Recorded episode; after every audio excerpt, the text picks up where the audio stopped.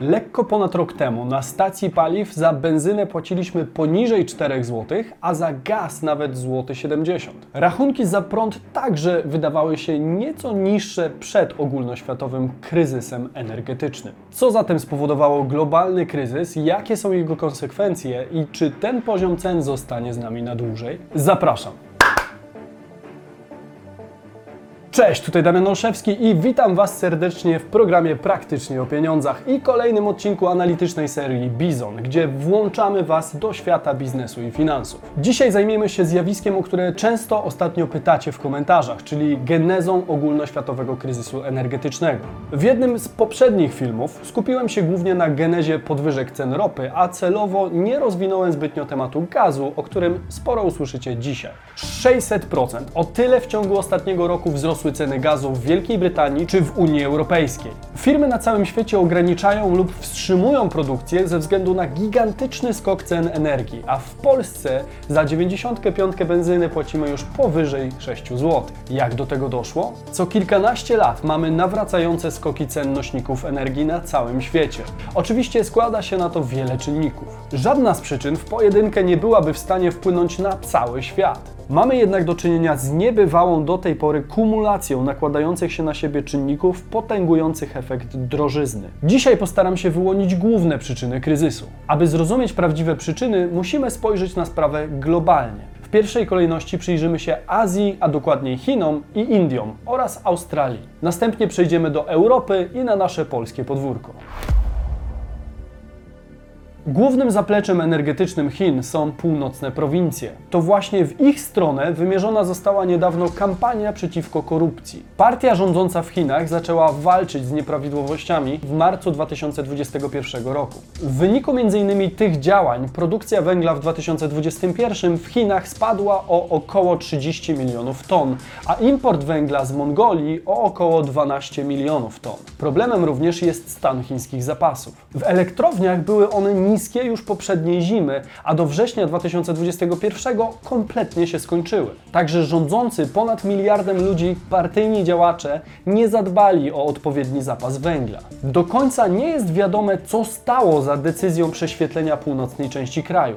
Być może lokalne elity fałszowały dokumenty i zgarniały część przychodów do własnej kieszeni, a może nie prowadzono po prostu dostatecznych inwestycji w kopalniach. Faktem jednak są zatrważające dane o różnicach energetycznych. Od kwietnia 2021 transport węgla z północnych Chin do południowych spadł do zera. Być może sama ta sytuacja nie wprowadziłaby Chińskiej Republiki Ludowej na sam szczyt przyczyn kryzysu, ale do tego wszystkiego doszła jeszcze pogoda. Azjatycki kraj zalała fala powodziowa, w szczególności w prowincji Shanxi, która w tym roku wyprodukowała 1 trzecią wszystkich dostaw węgla do chińskich elektrowni. W konsekwencji tylko w tej jednej prowincji zamknięto kilkadziesiąt kopalni, a w skali całego kraju jest to ponad 60 zalanych kopalń odkrywkowych od października. Sytuacja polityczno-społeczna w Chinach zrobiła się naprawdę groźna. Zresztą potwierdza to fakt, że nawet sama partia zaczęła informować ludność o konieczności gromadzenia zapasów, niezbędnych rzeczy i żywności.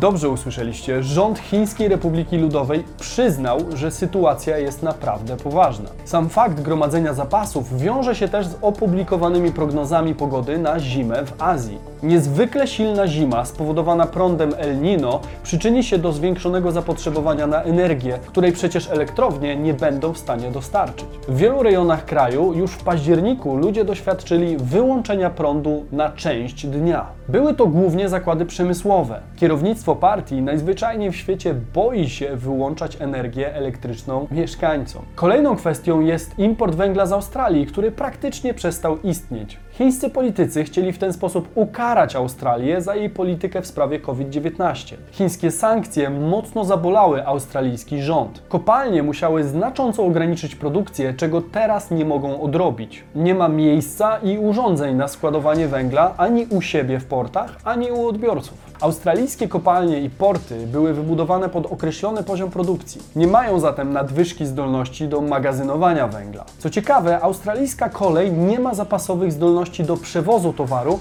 a w portach brakuje przeznaczonej do magazynowania infrastruktury. Dostawy węgla ładowane są z wagonów bezpośrednio na statki. Chiny próbują się oczywiście ratować, tylko że ich jedynym źródłem energii jest obecnie gaz. Z tego względu kraj zaczął dokupować znaczące ilości LNG, ostro zwiększając ceny na rynkach. Indie to kolejny kraj, który stoi przed obliczem poważnego kryzysu energetycznego. Również tutaj zapasy węgla są na bardzo niskim poziomie, a w niektórych regionach już teraz pojawiają się wielogodzinne przerwy w dostawie prądu. Wymienia się dwie główne przyczyny kryzysu, jeśli chodzi o ten kraj. Według ekspertów pierwszym jest duże ożywienie gospodarcze, które zresztą ma miejsce niemal wszędzie. Szczególnie jeśli porównamy obecny okres do zeszłego roku, w którym gospodarki pierwszy raz zetknęły się z COVID-em. Drugą kwestią pozostaje zmniejszony import węgla. Surowiec ten, podobnie jak w Polsce, stanowi około 70% całej produkcji energii elektrycznej w kraju. W Indiach spadła też ilość energii wytwarzanej ze źródeł odnawialnych, elektrowni jądrowych oraz gazu. Jaki udział ma w tym wszystkim Rosja i jak cała sytuacja odbiła się na Europie i na Polsce? Ten szok cenowy to nieoczekiwany kryzys w krytycznym już momencie. Natychmiastowym priorytetem powinno być złagodzenie skutków społecznych i ochrona wrażliwych gospodarstw domowych. Skomentowała szefowa unijnej energetyki Kadri Simpson. Gdybyśmy mieli wyrazić obecny koszt gazu za pomocą baryłki ropy, to wyobraźcie sobie, że baryłka ta musiałaby kosztować 230 dolarów. W Europie gaz ziemny sprzedawany jest zatem po stawkach, do jakich ropa nigdy jeszcze nie doskoczyła. To wzrost o ponad 130% względem września tego roku i poziom ponad 8 razy wyższy niż w tym samym punkcie w zeszłym roku. Takie dane możemy znaleźć w Independent Commodity Intelligence Services. Europa wyczerpała swoje zapasy gazu ziemnego po długiej i mroźnej zimie na początku tego roku. Natomiast rosnący popyt na energię po covidowym przestoju utrudnił proces uzupełniania zapasów. Wcześniej wspomniane zakupy gazowe państwa środka tylko wzmocniły fakt, że rynki LNG nie są w stanie fizycznie wypełnić tej luki. I tak w ciągu dwóch lat ceny gazu ziemnego na rynku hurtowym podniosły się w Belgii o 592%, w Czechach o 565%, w Niemczech o 559%, a w Polsce o 504%. Hiszpania doświadczyła skoku cen o 370%, Litwa o 283%, a średnia całej Unii Europejskiej to 429%. Jedną z przyczyn, która dotknęła rynek europejski, są skutki polityki Unii co do likwidacji kontraktów długoterminowych. W 2020 roku Gazprom musiał sprzedać 50% gazu na transakcjach spot, a nie nowych kontraktach długoterminowych. W ten sposób nieumyślnie politycy Unii Europejskiej dali pole do manewru Rosjanom w sytuacji spodziewanego braku gazu. W tym wypadku mogli oni po prostu zmniejszyć jego dostawy, gdy nagle nadarzyła się okazja. Władimir Putin zasugerował jednak, że Rosja może zwiększyć swoje wydobycie. Ostatnio bardzo biznesowo stwierdził nawet, że Gazprom nigdy nie odmówił zwiększenia dostaw dla swoich konsumentów, jeśli tylko złożą oni odpowiednie oferty. Przyznacie, że wspaniałomyślne z jego strony. Zostawić Putina w pozycji siły w trakcie negocjacji to bardzo nierozsądny ruch ale stało się. Jak podają specjaliści, dostawy z Rosji mogą znacząco wzrosnąć dopiero po certyfikacji nowego, budzącego kontrowersję rurociągu Nord Stream 2, o którym zresztą przydałoby się zrobić cały osobny odcinek, abyśmy w pełni zrozumieli, w jaki sposób zagraża on interesom Polski. Jeżeli chcielibyście taki odcinek zobaczyć, dajcie znać w komentarzu. Już w sierpniu zaczęto ostrzegać o potencjalnie nadchodzącym kryzysie. Wtedy kontrolowane przez Gazprom magazyny gazu w Unii Europejskiej były wypełnione zaledwie w 18%, a paliwo było z nich wytłaczane celem zaspokojenia potrzeb odbiorców. W czterech największych tego typu obiektach składowano łącznie 1,1 miliarda metrów sześciennych gazu. Aby zrozumieć skalę absurdu, wystarczy porównać to z rocznym zapotrzebowaniem Polski na błękitne paliwo, które wynosi około 18 miliardów metrów sześciennych. Kolejnym powodem kryzysu energetycznego jest system udzielania praw na emisję dwutlenku węgla, który rozpoczęła Unia Europejska. Na jej mocy elektrownie, ciepłownie czy przedsiębiorstwa przemysłowe muszą wykupić pozwolenie na emisję CO2, a ich cena, jak wiecie z moich poprzednich materiałów, bardzo szybko rośnie. Sięgają one już poziomu 55-65 euro za tonę, podczas gdy w zeszłym roku w analogicznym okresie nie przekraczały 25 euro, co oczywiście bezpośrednio przekłada się na ceny gazu. Tylko w tym roku ceny gazu na towarowej giełdzie energii w Warszawie wzrosły już o ponad 200%. Wstępne wyliczenia mówią, że miesięczny rachunek za ogrzewanie może jeszcze wzrosnąć w tym roku o jakieś 20% względem poprzedniego, a w 2022 może być jeszcze droższy. Skok cenowy może wynieść kolejne 15%, chociaż sami dostawcy energii chcieliby podwyżek na poziomie 20-30%. Nie można również pominąć konsekwencji polityki antypandemicznej USA i innych krajów, w której to po prostu zasypano gospodarki dodrukowanym pieniądzem. Stosowane obniżenie stóp procentowych, nawet i do poziomów ujemnych, pobudziło również rynek nieruchomości i nakręciło zapotrzebowanie na stal i materiały budowlane. Stąd również znaczące podwyżki w tej przestrzeni surowców. W październiku 2021 w stosunku do ubiegłego roku ceny materiałów wzrosły średnio o ponad 20%. To oczywiście wiąże się również ze wzrostem cen paliw i tak docieramy do błędnego koła, którego rozpędu jeszcze nie udało nam się wyhamować. Unia Europejska zdecydowała, że przekaże Mołdawii 60 milionów euro na walkę z kryzysem gazowym. Ciężka sytuacja Mołdawii wynika z wygaśnięcia kontraktu na dostawy od rosyjskiego Gazpromu. Obecnie rządowe negocjacje nowego długoterminowego kontraktu z dostawcą rosyjskim utknęły w martwym punkcie. Włochy chcą natomiast zwiększyć wsparcie dla najuboższych. Przeznaczona na ten cel kwota 2 miliardów euro może wzrosnąć o kolejne 500 milionów. Okazało się bowiem, że już wyasygnowane pieniądze nie wystarczą. Chodzi o chociaż częściowe obniżenie rachunków za gaz i prąd. W kraju rośnie zaniepokojenie właścicieli fabryk i innych zakładów pracy z powodu wysokich cen energii. To może się wiązać z przyszłymi spadkami konsumpcji w całym kraju. Ceny energii napędzają więc ceny produkcji, a te z kolei odpowiadają za koszty, jakie musi później ponieść konsument. W ich rezultacie konsumpcja spada, a fabryki zostają ze zbyt wysoką ilością zalegającego towaru. Firmy zostały rzucone na kolana, a ceny nie przestają rosnąć. W samym tylko październiku cena energii elektrycznej we Włoszech wzrosła o prawie 30%, a gazu o około 14%. W mojej opinii Unia nigdy nie miała jeszcze większych podstaw do wycofania bądź choćby wstrzymania opłat za emisję CO2.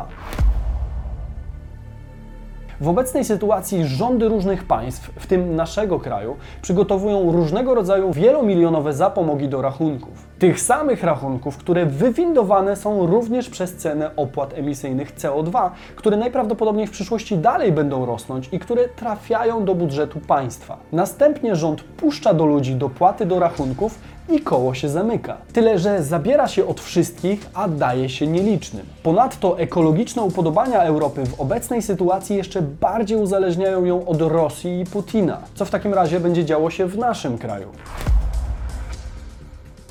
Jeszcze nigdy nie mieliśmy w Polsce tak drogiego prądu na giełdzie. Kontrakty na energię z dostawcą w całym przyszłym roku rozliczane są już po stawce 386 zł za megawattogodzinę, a w godzinach szczytowych zapotrzebowania po 428 zł za megawattogodzinę. Porównując, firmy energetyczne sprzedają dziś energię gospodarstwom domowym po 300 zł za megawattogodzinę, co daje 30 groszy za kilowattogodzinę netto. W cenie tej znajdziemy już 5 zł akcyzy i prawie 30 zł kosztów zakupu tzw. kolorowych certyfikatów wspierających odnawialne źródła energii. W praktyce Polacy kupują energię w cenie 265 zł za megawattogodzinę, czyli prawie 30% taniej niż wyceniana jest ona na giełdzie. Co prawda nie znamy jeszcze wszystkich kosztów, na podstawie których prezes Urzędu Regulacji Energetyki i spółki energetyczne wyliczą przyszłe koszty taryfowe. Mówi się jednak, że w 2022 roku zapłacimy 37 groszy za kilowattogodzinę, czyli o 7 groszy więcej za jednostkę. Ceny hurtowe w 2022 2022 roku zależeć będą oczywiście od cen emisji CO2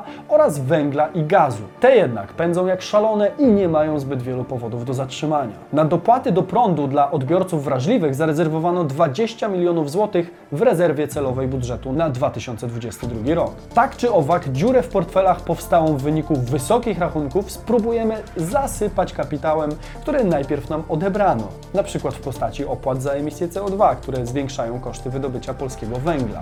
Ministerstwo wyjaśniło, że nowelizacja, która zostanie złożona, pozwoli rozszerzyć grupę uprawnionych do pobierania dodatku energetycznego. Według kryterium na ten moment to dochód nie przekraczający 1563 zł w gospodarstwie jednoosobowym i 1115 zł na osobę w gospodarstwie wieloosobowym. Okres przyznawania dodatków wynosić będzie 6 miesięcy, a do ich otrzymania wystarczy przedstawienie faktury. Według szacunków liczba beneficjentów dopłat ma wzrosnąć do niemal 20% gospodarstw domowych w kraju. To też trochę mówi na temat zamożności przeciętnego Polaka. Na szczęście polscy konsumenci nie zachowują się na razie jak ci włoscy, a prywatna konsumpcja nadal pobudza PKB, szczególnie w okresie związanym z Black Friday. Najprawdopodobniej ludzie najzwyczajniej w świecie uznali, że z powodu wysokiej inflacji warto wydać pieniądze teraz, zamiast odkładać wydatki na później. W wielu przypadkach to słuszne podejście, patrząc na to, jakiego rozpędu inflacja nabierze w najbliższych miesiącach. O tym natomiast będę mówił w specjalnym odcinku poświęconym temu, jak chronić pieniądze przed inflacją. Warto zasubskrybować kanał, aby go nie przegapić i dołączyć do społeczności bizonów, czyli osób włączonych do świata biznesu i finansów. Mówił Damian Olszewski, zostawcie komentarz bizon i do zobaczenia w niedzielę o 15. Cześć!